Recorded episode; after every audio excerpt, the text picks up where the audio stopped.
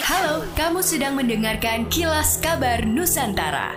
Podcast persembahan KG Radio Network menyajikan berita harian yang mengangkat keunikan dari berbagai wilayah Indonesia. Kilas Kabar Nusantara dapat juga didukung oleh pengiklan loh. Mau tes kemampuan bikin CV-mu? Yuk ikuti CV Making Competition Cake Resume dan menangkan hadiah jutaan rupiah. Penasaran gimana caranya? Kunjungi cakeresume.me slash info untuk info selengkapnya. Usai mengecek Stadion Gelora Bung Karno di Jakarta, rombongan Menteri BUMN Erick Thohir, Menteri Olahraga Zainuddin Amali, serta Direktur Utama PLN Darmawan Prasojo menjambangi Stadion Jakabaring di Palembang, Sumatera Selatan pada hari Sabtu 11 Maret 2023 pagi. Lalu meninjau Stadion Sijalak Harupat di Soreang, Kabupaten Bandung pada Sabtu sorenya.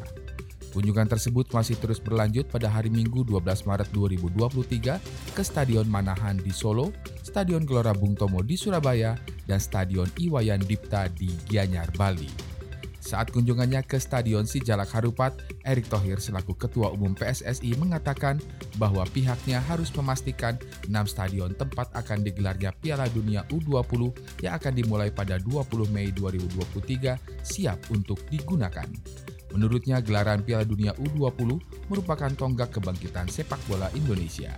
Indonesia yang dipercaya menjadi tuan rumah menjadi kebanggaan sekaligus menjadi momen yang tepat untuk Indonesia gerak cepat berbenah diri.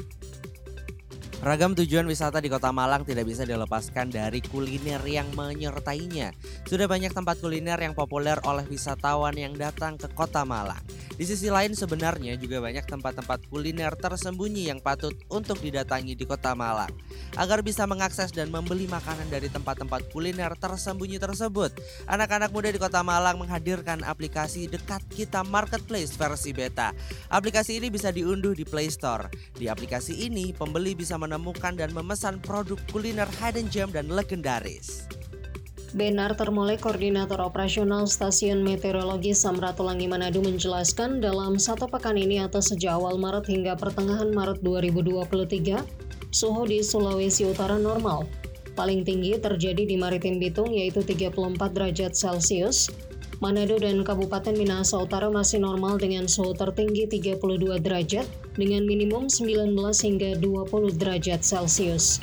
Data ini berdasarkan pengamatan dari BMKG Pos Geofisika Tondano, kemudian Stasiun Meteorologi Naha Tahuna, Stasiun Geofisika Winangun, Stasiun Klimatologi Sulawesi Utara di Minahasa Utara, dan BMKG Maritim Bitung. Demikianlah kilas kabar Nusantara pagi ini.